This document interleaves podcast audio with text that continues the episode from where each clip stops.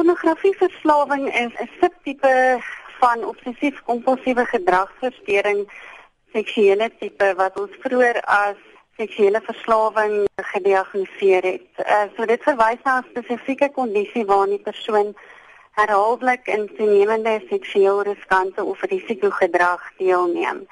Maar nou, ek dink mense moet ook net verstaan dat pornografie vir baie mense normale gedrag is en die negatiewe impak relatief is tot die persoon en vir haar verhouding. So wanneer word 'n mens beskou as 'n verslaafde van pornografie?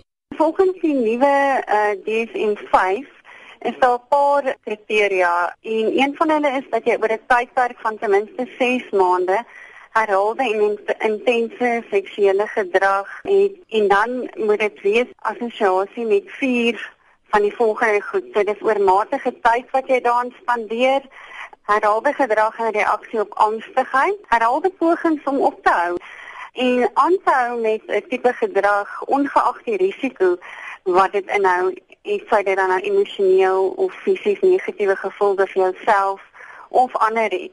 Mense kan verstaan as jy aan dwelms of alkohol of een of ander middel verslaaf of afhanklik raak.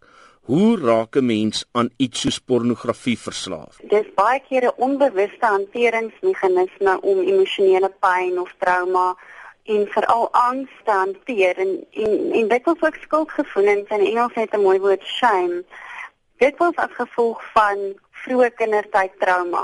So dit is dis 'n hanteringsmeganisme wat 'n mens nie verstaan eintlik hoekom jy dit doen nie. Nou moet ons ook verstaan daar's ook 'n brein um, proses hier ter sprake want seksuele stimulering soos ook alkohol en dwelms veroorsaak 'n uh, 'n byna euforiese staat wat dan aanvanklik spanning verlig en dit van dikwels wat tot tot die afhanklikheid lei. Is pornografie verslawing nie maar net 'n verweer vir iemand wat deur sy vrou of sy lewensmaat uitgevang word nie? Ek dink dit word dikwels as 'n verweer gebruik of 'n verskoning. Maar die vraag is is dit regtig daar 'n probleem wat jou funksionering beïnvloed? Met ander woorde, kyk jy eerder pornografie as om 'n gesonde verhouding met jou lewensmaat te hê? Wat is die terapie indien daar dan nou so iets is? Die vraag is weer eens, is dit problematies vir jou en binne binne jou verhoudingskonteks? En indien die antwoord ja is, dan ja, is daar definitief metodes of of terapie om dit te hanteer.